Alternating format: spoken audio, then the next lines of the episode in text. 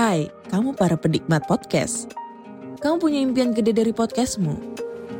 Terus First Story bisa banget bantu kamu. Mulai dari F-Link, Dynamic Audio Insertion, sampai statistik yang komprehensif. Semua ada di First Story. Gak ketinggalan kamu bisa monetisasi podcastmu lewat iklan dari First Story Ads yang bisa kasih kamu penghasilan dari setiap place podcastmu. Yuk gabung sekarang dengan klik di firststory.me. Sekali lagi, klik di firststory.me. Mari kita bawa mimpi podcastingmu menjadi kenyataan. Box to Box Media Network.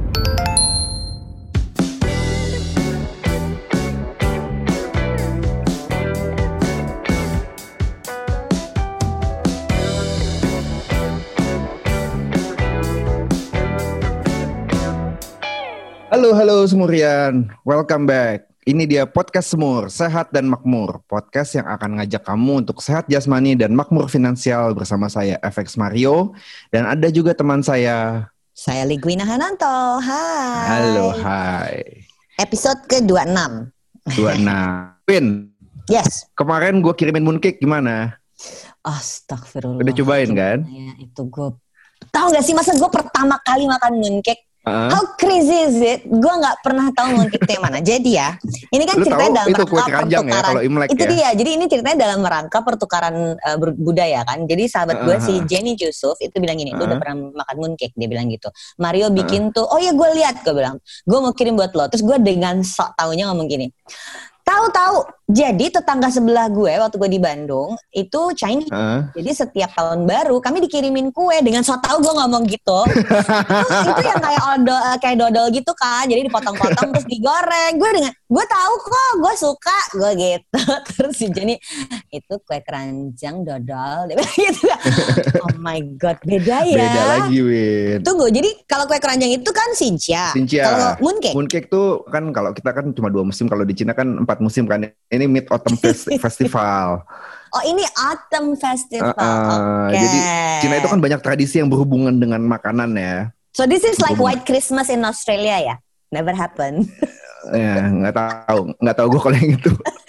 Iya iya, jadi ada ada ada istilahnya juga nih kalau di Australia. Uh, Hmm. I'm dreaming of a white Christmas. Sementara gue tinggal di Hmm. Western Australia, Christmas itu 25 Desember in the middle of summer yang 45 Oh, derajat. Panas-panas juga ya. Gitu. Jadi ketika di kita mau autumn eh, lagi panas gini autumn apa ya gitu kan. Tapi we celebrate the food ya nggak sih Mar? Iya, iya, iya, iya, autumn yang nggak datang we celebrate the food dong. Benar, benar. Di sini kan ya udah yang penting otamnya di sana ya kita makan mooncake di sini. Mooncake gitu. Dan enak banget ya, guys buat Sukses kalian ya yang seperti gue gue, ya. jauh dari kebudayaan.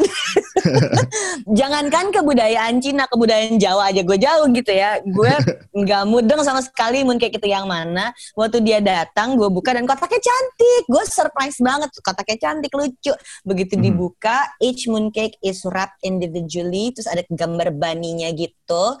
Aha. Terus eh, gue udah lihat di postingnya Mario, eh, Dita, hai Dita, jadi ternyata makan mooncake itu dipotong-potong untuk di-share ya. There's culture in it, bukan digrauk aja. Kita mikirnya kan, oh ini nastar gede gitu.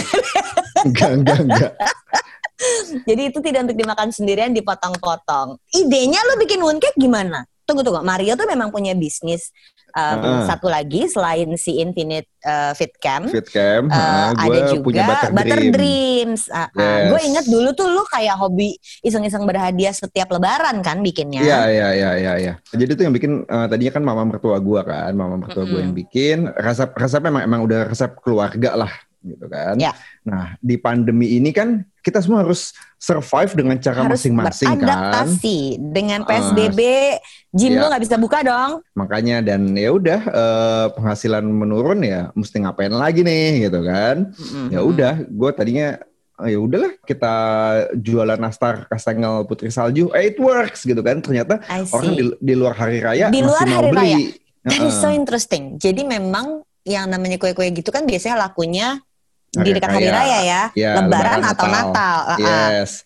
Begitu itu mulai kapan? PSBB pertama lu mulai jualan PSBB itu. pertama tuh bulan 4 ya, bulan 5 ya, lupa gue. Tapi itu memang mendekati lebaran. eh enggak enggak, udah lebaran, udah lebaran. Sorry, gue Justru sesudah lebaran. eh, bukanya pas lebaran bareng, gue udah mulai jual, abis lebaran gue pikir, eh masih banyak yang mau beli ya udahlah gue rutinin gue PO PO PO bikin jual bikin jual gitu kan Nah, kemudian muncul ide si mooncake. mooncake iya kan gue pikir wah kayaknya lucu nih bikin variasi dikit gitu kan mooncake di Autumn eh, Festivalnya itu kapan? Festival. Jadi itu dalam rangka Autumn satu Festival. Oktober satu Oktober jadi kalau rekan-rekan kita yang Buddhis ada sembayangnya pakai mooncake Eh, jadi beberapa teman gue yang Buddhis juga beli buat eh, mereka sembayang di di Mm-mm. apa di, di tanggal 1 Oktober itu.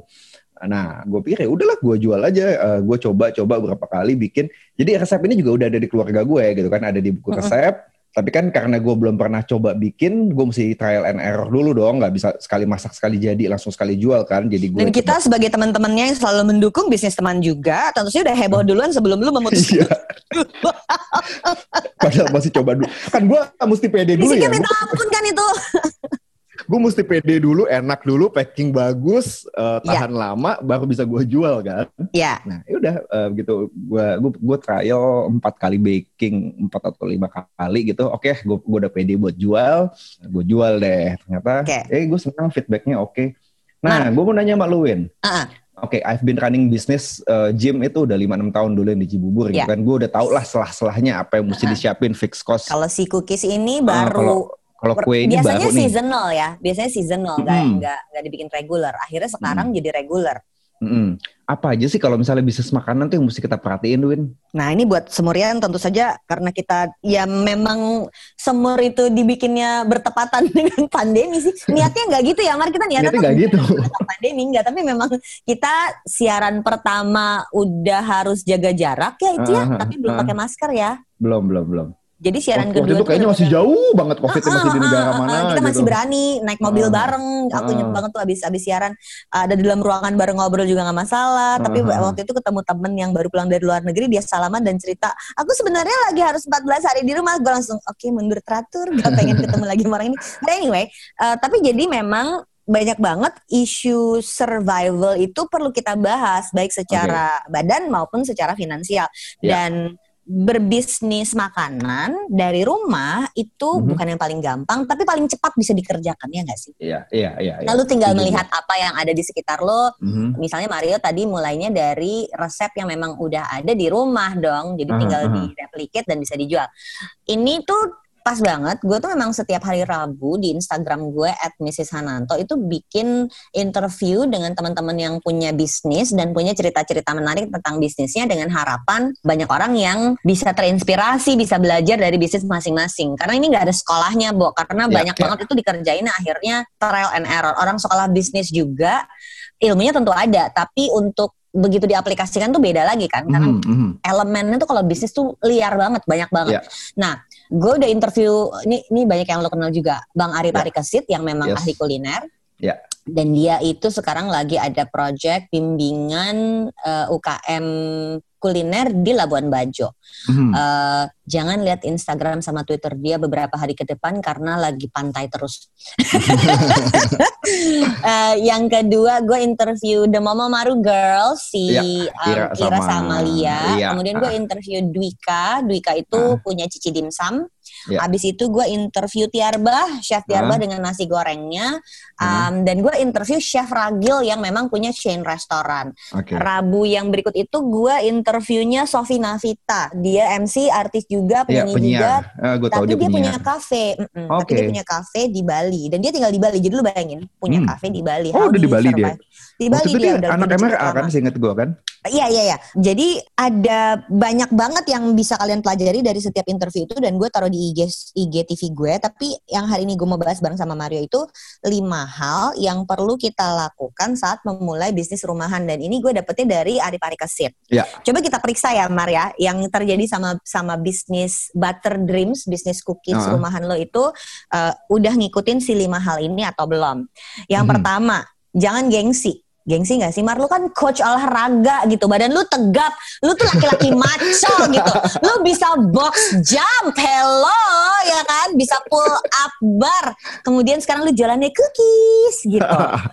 Kalau bicara Iya. gengsi itu gimana, Mar? Ya apa yang perlu digengsiin ya Win? Maksud gue ini pandemi penghasilan terganggu, I need to survive, ada keluarga yang mesti gue nafkahi. Iya. Kalau ini harus survive dengan jualan kue ya so be it gitu kan. Kenapa Dihadapi tidak ya. gitu.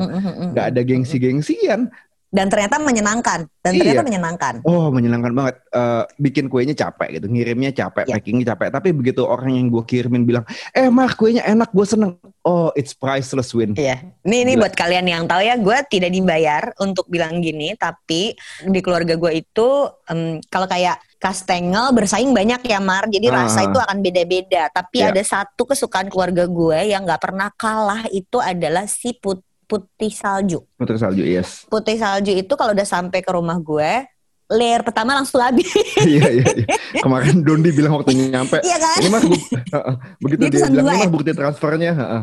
bukti transfernya gue tapi makanannya udah hilang satu layer nih gue baru transfer Terus udah gitu pesen dua dan bener-bener kayak the next day box kedua tuh udah dibuka. Gue yang what happened? Ke mana kuenya pergi cepet banget. Jadi emang emang rasa tuh kena banget. Jadi soal gengsi tadi lu udah bilang ya harus survive. Jadi dihadapin Aha. dong. Um, balik ke gengsi tadi, gue perhatiin banyak orang kalau susah refleksnya tuh ngutang.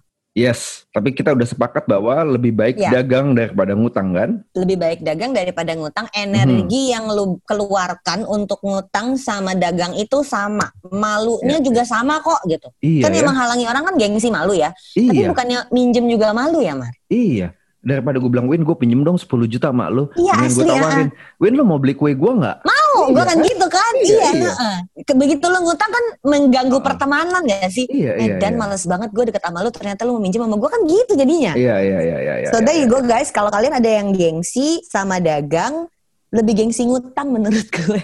iya iya iya iya. Iya kan? Harusnya begitu Itu beres satu. Yang kedua adalah konsistensi produk. Si baking itu membutuhkan konsistensi produk dong. Mhm. Dan Setuju. mungkin bilang lebih mudah tuh nggak fair ya. Tapi baking itu kan ada takaran ya Mar ya. Kalau kalau kita cooking bedanya ya. Kalau baking itu kan kita mau bikin kue apa itu cake atau cookies. Ah, Kalau kita masak ngasih garam itu kan pakai perasaan. Iya. Lu bisa Tapi kalau icip kita dikit, icip baking, dikit. ah, icip-icip Mhm. oh kurang ini, kurang ini, kurang ini. Tapi kalau baking, kalau dibilang satu cup sama setengah cup nggak boleh salah tuh. Iya, cupnya yang mana? Cupnya yang mana? Setengah Iya. cupnya beda cup juga Iya. nanti hasilnya beda. Iya. Jadi lu memang mengaplikasikan resep udah ada atau lu memang cobain dulu sampai ketemu yang pas baru direplikasi. Kalau di baking kayaknya konsistensi produk itu sesuatu yang gua nggak bilang itu mudah, tapi ada Mhm. proses yang bisa dilakukan untuk bikin produknya konsisten karena semua cookies yang kalau kalau mooncake kan gue baru sekali ya nyobain. Iya. Cookies lu kan lu udah order beberapa kali dan rasanya sama terus gitu. Iya, iya. Apa yang lu lakukan untuk bisa konsisten? Kalau kayak yang si mooncake ini udah kan yang gue bilang gue trial lima kali itu eh, hal-hal yang gue perhatiin adalah ya udah gue mesti lima kali ini rasa mesti konsisten. Mm-mm. Tekstur juga mesti sama semua. Ya, Waktu yang satu dua tuh gue masih masih masih ngeraba resep tuh dari resep bukunya begini, gue plus minus di eh, tambahin ini dikit, kurangin ini dikit gitu kan, sampai ketemu rasanya enak. Yang ketiga, keempat, kelima tuh gue udah mulai nyari konsistensi. Oh, Gue wow. sempat gagal sekali baking karena ternyata timbangan gue rusak. Jadi waktu Oke. waktu gue timbang ini udah That's bener. interesting. Terus kok pas jadi dia bleber gitu, pecah gitu. Oh ternyata timbangannya lari-lari, angkanya nggak selalu presisi. Edan, sampai kayak gitu. Iya.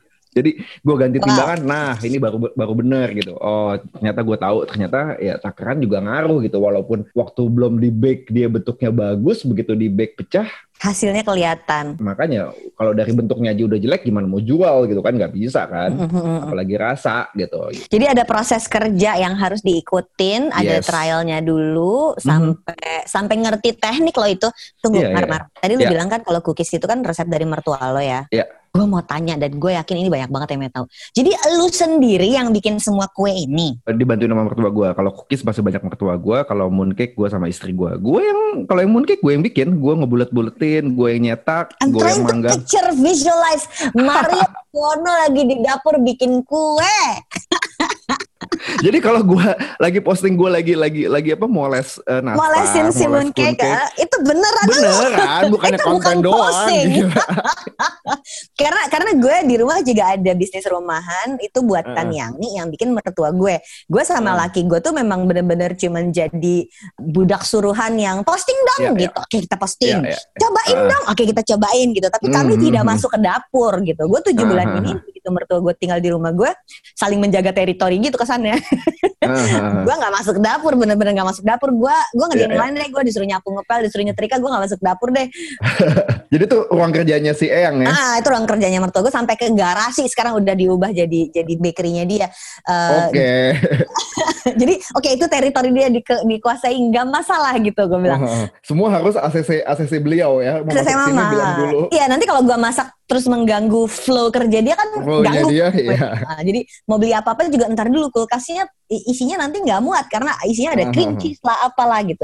Tapi jadi Ya, kalau orang nanya buatan Yani itu punya kalian, gue dengan Mas Dondi itu akan bilang oh enggak itu punya mama mertua gue gitu. But this one is truly your business karena lu Ya, juga ya, ikut ya. ngerjain di dalamnya ya. Iya, iya. Kalau dulu kan mama mertua gue bikin nastar kasengel putri salju belum ada brand ya udah sekarang gue mulai brand developmentnya Sekarang juga, dikasih gitu brand kan. Butter Dreams guys. Iya, iya. Tuh dan mooncake-nya udah gue kerjain sendiri. Nah, yang ketiga cek pasar. Satu-satu nih, lu ada dua Hmm. stream kan si ku- cookies, holiday cookies aja kita sebut ya.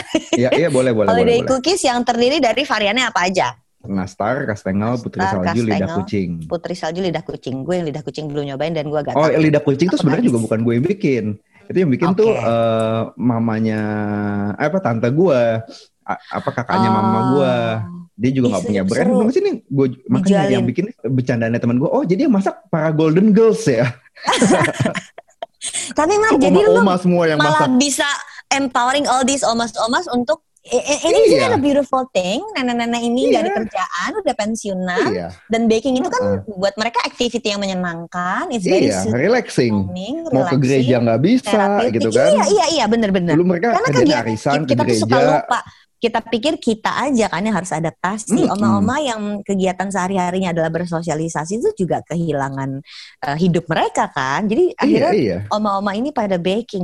Eh, it's so cute. Oke, jadi untuk butter dreams yang di luar si mooncake dulu ya. Karena mooncake kan Ah. baru dan kayaknya ini fenomenal yang heboh gitu. Si cookies kesayangan se- sejuta umat ini, kastengel, nastar, putri salju, lidah kucing, Lidah apalagi kucing. Udah Empat ya? gitu. Empat. Mhm, empat ini menurut Bang Ari Parikesit kita mesti cek pasar. Oke. Jadi kita mesti cek pasar dan nggak ada benar salah tapi angle-nya emang beda-beda. Misalnya si Bang Ari itu nggak mau masuk ke produk yang semua orang udah kerjain. Dia Oke. pengen cari sesuatu yang beda dan itu yang dia kejar. Mhm. Eh, kalau Tiarbah, gue tanya kenapa lu bikinnya eh, nasi goreng? Karena Nasi semua goreng orang dendeng makan nasi lemak. goreng, Ah, ah, Oh, gampang. Dia cari yang spesialnya dendeng lemak, tapi kan Mhm. eh, pertama orang apa ya comfort Udah food dulu kan. dulu sama, ah. eh, sama nasi oh nasi gorengnya. goreng, oh dendeng lemak Ya, ya. gitu kan. Ah, Eh, si ah. Mama Maru Girls itu mulainya dengan salmon mentai yang semua Yes. orang wah salmon mentai enak gitu. Eh, sampai Iya, akhirnya iya, sekarang dia ada ada es krim lah apalah apalah. Iya, Um, iya. Tapi menurut Bang Ari, ayo cek pasar tuh sukanya apa, Ke- kelihatan Mhm. masuk nggak nih gitu. Apa yang membuat lu di awal itu develop si holiday cookies ini di Butter Dreams? Ya, mulai dari yang ada dulu sih Win kalau gua. Waktu itu gua eh, Mhm. gua ngeliat lebaran eh, it's a big hit.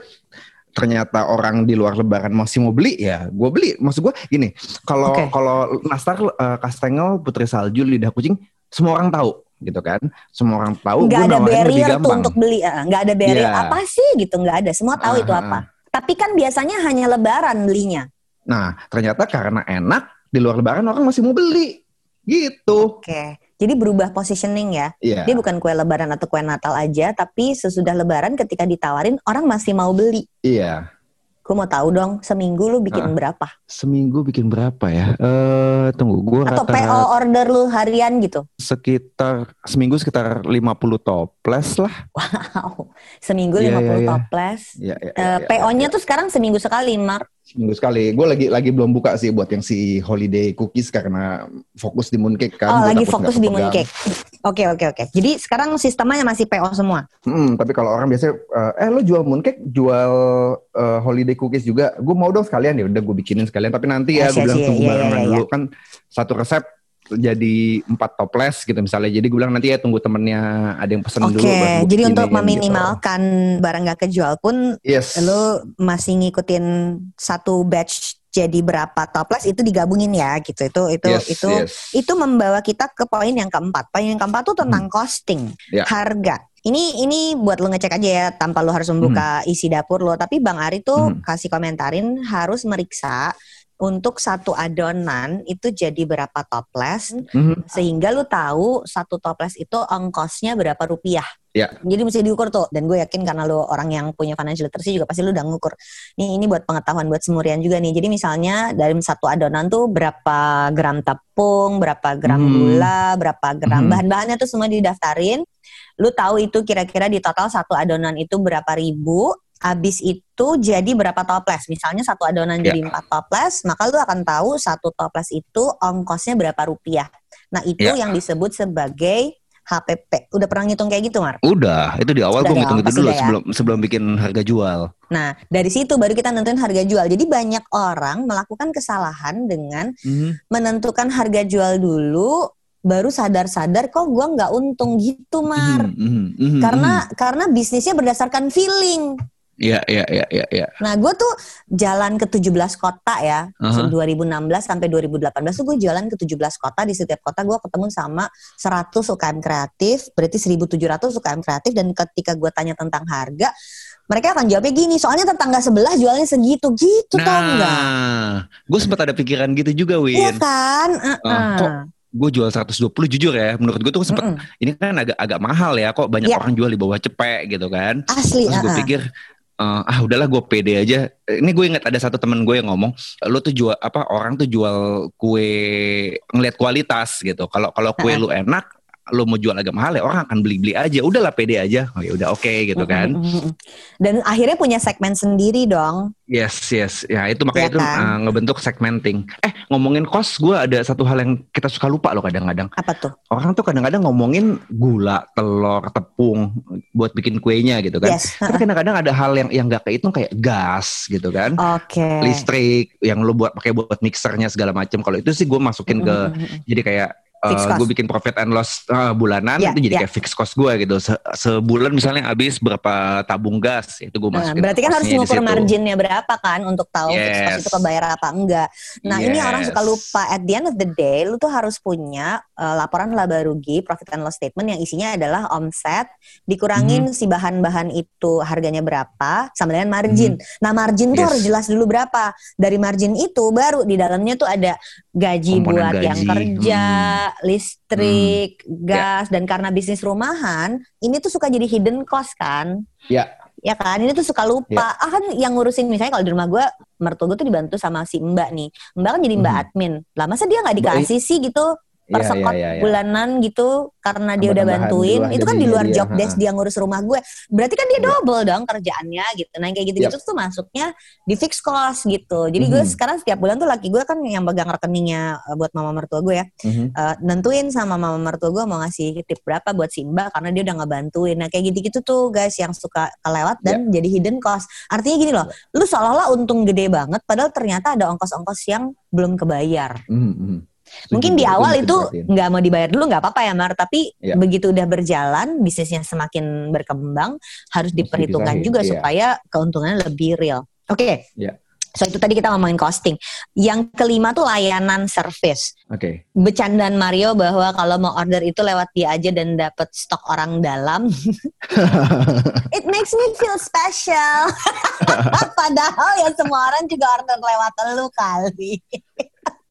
Padahal kalau lu pesenannya nggak ada nggak ada temennya juga gue nggak bisa bikinin gitu kan. Tapi kan hal-hal kayak ada gini yang tuh, PO bareng. Nah, hal-hal kayak gini tuh kan yang yang bikin orang jadi ya pesannya sama dia aja deh, jadi gitu kan. Eh, layanan service tuh jadi penting karena itu yang akan membuat orang merasa gue suka beli sama dia. Jadi ternyata kan it's how we make other people feel kan ternyata kan ya. Mhm, mhm. Kalau kalau di kalau di Tiarbah gitu misalnya ada si nasi goreng Tiarbah yang cabang Bintaro tuh gue kontak Iya, selalu iya. sama mereka. Padahal sebenarnya kalau dibikin kilometer ada yang lebih deket sih. Tapi Mhm. because they give me good service dan eh teh mau apa Eh, aku bantuin gitu. Padahal emang order lewat dia bantuin apa gitu. Gue iya, iya, seneng. Nah, kalau si Butter Dreams itu, what other service you give? Ya, misalnya, yang contoh yang lain apa ya? Contohnya cici dimsum gitu. Aha. Dia akan, mungkin itu bukan kesannya service yang luar biasa, tapi gue seneng ketika, kak lagi ada si ceker nih, kalian kan suka. Hmm. Berarti kan mereka merhatiin kalau order kita tuh si ceker ini gitu. Jadi, oh ya mau dong gitu. Dan ternyata akhirnya memang orang tuh butuh ditawarin untuk mau beli. Lu kalau lu service apa yang lu biasa berikan, baik yang standar maupun yang menurut lu beda sama orang lain? Gue beneran perhatiin mulai dari hal kecil yang dulu kita suka bercandain selotip Eh, toplesnya iya, iya. gue lipet karena orang Eh, suka iya, iya, ngomel-ngomel kan. Eh gue Iya. sebel kalau buka kue lebaran ujung selotipnya susah nyarinya. Ya udah gue lipetin biar lo nggak That susah. feels special, Mar. Itu kan. Jadi, small things kan sebenarnya. kan. Ah, itu small things yang mungkin kesannya service apa dari cookies lebaran apa yang lo mau servisin gitu kan? Iya, ya itu kan iya. cookies lebaran titik gitu. Udah nggak ada Iya, service apa-apa lagi. Iya. no no no. It's the little things. Jadi si butter dreams cookiesnya Mario itu selotip uh, toplesnya itu Hmm. dibikin yang kita benar-benar tahu harus tarik di mana karena lu tahu kan rasanya buka toples yang mana sih Iya, ujungnya gua uh. nggak ketemu Pakai pakai kuku jari gitu kan males banget kan. Iya iya, ini lu benar-benar Iya. dikasih di, dilipat sehingga orang tahu harus tarik Iya. di mana. Itu kan small things. Ya, that's one service we, we love. Uh-uh. Iya, kalau kalau kalau cuma dengan ngelipet selotip doang gue bisa bikin lo happy ngebuka toples gue ya kenapa enggak? Enggak ada ruginya juga di gue Mm, gitu kan. mm, Gue sih mm, mikirnya mm, dulu mm. gitu aja gitu. Oke, so itu tadi lima hal tentang si Butter Dreams cookies yang variannya kastengel nastar, putri salju, Putri salju, sama lidah lidah kucing, kucing. yes, Nah, yes. dengan yang baru ini, dengan si Aha. moon cake, kalau Aha, gengsi kan udah termasuk tadi di dalamnya Iya. udah kejawab. aha. Konsistensi produk tadi lu juga udah jawab. Cek pasarnya gimana, Mar? Apa emang specifically teman-teman yang Chinese, yang Hmm. Buddhis, yang related? Tapi kan gue perhatiin beberapa yang gue mau nyobain, gue mau jam, cuma orang-orang Iya. yang jauh dari kebudayaan seperti gue tuh rusuh sendiri pengen tahu kami FOMO. iya. Nah, awalnya Biasanya kan apa-apa tuh tentang kami. Sekarang enggak. Jadi kami pengen tahu. awalnya kan gue juga juga bingung bakal ada yang beli nggak ya. Ternyata makanya gue cobain ke beberapa temen gue dulu. Eh, eh, buat rasa ya, gue tes dulu deh. Gue Mhm. kirim ke beberapa temen. Karena mereka yang paling familiar ya. Enggak, justru gue pengen tahu yang belum pernah ma- makan Oh, mooncake. What do oke. you think about this Justru mooncake? yang belum pernah Ya. yang lu tawarin duluan. Kalau gue tawarin teman-teman gue yang Cina, mereka ekspektasi mungkin udah tinggi, Win. Mungkin udah pernah beli mooncake Oh, yang di hotel, yang di hotel. mana gitu kan. gue ya udahlah eh, karena ini rumahan gue cobain ke teman-teman gue dulu terus mereka bilang enak gitu kan. This is something new, this is something mungkin perhaps this is something weird gitu loh. Makan kue tengahnya ada telur asin, gitu Asin, kan. uh-uh, uh-uh. Ah, telur as- orang biasa mikir oh telur asin di kue mungkin kayak telur asinnya di bakpao kali ya cair-cair gitu lo tahu kan kalau kebayang. pao yang dalamnya ada telur asin kan biasa kayak kayak Iya, iya. kayak kayak fla kan Yang sebenarnya encer kayak kan. ah. Heeh. tapi begitu dimakan ih aneh kok aneh sih kue ada tengahnya ada telur asin tapi begitu dimakan oh buat balance rasa manisnya it works gitu kayak kayak gitu Yes, dan ternyata enak. Hmm, Mm-mm. Sungguh aneh tapi nyata. Heeh, ketika dikulik oh banyak yang suka juga ya udah bisa let's go let's do this gitu I see. Jadi itu yang udah lakukan dengan si cek pasar. Iya. Akan lu jual kan besok berarti ya festivalnya itu tanggal iya. 1. Tanggal Akan satu. lu jual kita nih kita lagi rekaman ini sebelum 1 Oktober nih guys. Iya, iya. Eh, Lu udah dapat berapa order Mar buat si mooncake ini? Lumayan deh banyak Banyak. Berapa sih harganya? Eh yang gede itu gue jual 170 yang ada yang ada Itu yang ada 6, isi 6. Enggak, yang isi dua, yang yang kayak gue kirim ke lo itu. Oh, yang isi ke gue itu. Ya ya ya yang ya ya. gede, yang gede itu dalamnya ada egg yolknya itu 170. Kalau yang kecil ada isi 4, ada isi 6. Yang isi 4-nya 115, yang isi 6-nya eh, 170 juga. Gua Dan gue dengar lu rasa. akan melanjutkan menjual mooncake ini walaupun udah bukan eh, autumn festival. Yep, pengen gue lanjutin lah. Kalau lancar ya gue lanjutin aja gitu. Mungkin aja gue gue bake Jumat, Sabtu, Minggu, weekend. Eh, kalau weekdaysnya gue bikin kue kering biasa, masih masih kayaknya masih bisa gue atur flow-nya deh gitu. Good luck Mario, Butter Dreams is expanding. Ya. Iya. Bisa expanding ternyata Butter Iya, Dreams Mar. ternyata. Seru banget Mar. Iya ya, mul- ya makanya dimulainya dari dari produk sebenarnya kan begitu produknya ada laku, Ya. oh ya udah kita gedein aja, kita lanjutin aja gitu. Jadi guys cek-cek kalian bisa melakukan apa. Abis itu cek-cek siapa yang mau beli. Sebenarnya itu yang penting Iya. ya Mar ya. Iya, Jadi iya, lu dua udah hal nau- itu doang. Uh-uh. Du- lu udah ngecek juga siapa yang mau beli karena Hmm, hmm. it's it was it was illogical nggak masuk akal untuk nawarin kue lebaran saat bukan lebaran untuk nawarin kue natal pada saat bukan natal tapi Aha. ternyata ada yang mau beli Ada ya aja mau beli. udah teori itu selesai Lo mulai dari yang deket-deket aja. Asli, Uh-uh. asumsinya terpatahkan dan karena ini bisnis rumahan, kita nggak ngomongin angka ribuan, ratusan ribu, tapi ketika dia bisa memutarkan roda ekonomi, menjadikan transaksi terjadi, bisa jual beli, bisa bantu meringankan eh, beban pengelolaan rumah tangga saat penghasilan terhambat gara-gara pandemi. Nah itu sih Yes. menurut gue yang penting saat kita bikin Yes. bisnis rumahannya. So good luck Mario dan Butter Thank you, thank you. Dreams dan Golden Girls-nya. Ini kayak sweatshop Golden Girls gak sih? Pemberdayaan, pemberdayaan, Pemberdayaan wanita. oma-omanya, hmm, seru banget. Kalau sweatshop kan kesannya eh, apa, Ah, di di apa? didera gitu. eksploitasi, Ah, eksploitasi. eksploitasi. Kalau ini kan pemberdayaan. Pemberdayaan. Oh itu bedanya Tergantung- eksploitasi sama itu ya. Tergantung sudut pandang mana lo lihatnya. Eh, This is so heartwarming. Eh gue membayangkan Mario melakukan baking di dapurnya bersama mertuanya dan istrinya. Good luck buat Butter Dreams dan buat kalian teman-teman yang you. semuanya lagi semangat bisnis rumahan, cobain. Jangan lupa ya, mendingan dagang daripada ngutang. Sama itu dong, jangan lupa dagangannya Yangti. Oh iya ya, dagangannya yang nih juga. Yang nih eh, Iya. mertua gue itu dagang. Kalian bisa follow Heeh. Instagramnya buatan YGNI. Heeh. Gue sama laki gue suka posting sih eh, di Twitter kalau lagi open Oh, PO. Dan sama enak, kita apa? sistemnya pakai open PO juga, Mar. Korean garlic cheeseburger-nya enak banget. Ya lu udah nyobain ya? Udah, udah, Nah. udah, udah. Nah itu itu yang membedakan. Jadi eh, ketika ditanya harganya kenapa mahal banget karena lima puluh ribu satu eh, Ya. because we want to nggak ada pertanyaan nggak ada jawaban lain. Eh, kalau mau nyobain yang lain lima belas ribuan satu ada, tapi kalau di sini lima puluh ribu silakan mau beli atau enggak gitu aja. Iya, iya. Iya dan karena ini memang kecil-kecilan dari rumah aja selain jadi kegiatan jadi duit ada aja sih kalau PO mah laku-laku aja kok. Iya, So iya, iya. guys dicobain guys kalian suka Hmm. bikin apa nggak usah takut sama harga kalau cocok sama pembelinya nggak ke mana-mana kok rezeki nggak Iya. ke mana. Orang juga tahu kok harga berbanding sama kualitas. Tenang aja. Jadi nggak- nggak takut jualan jualan makanan kalau memang enak dan Yes. ada yang suka pasti bisa digulirkan terus. So Iya. segitu dulu obrolan semurian kali ini. Semoga membuat kalian bersemangat untuk dagang. Gue suka penasaran sih orang-orang tuh dagang apa aja. Saya Uh-uh. Ligwina Hananto bareng sama rekan saya. FX Mario. Buat apa sehat tapi nggak punya uang? Buat apa makmur tapi sakit-sakitan? Live long and prosper. Live long and prosper. Bye. Bye-bye, bye-bye.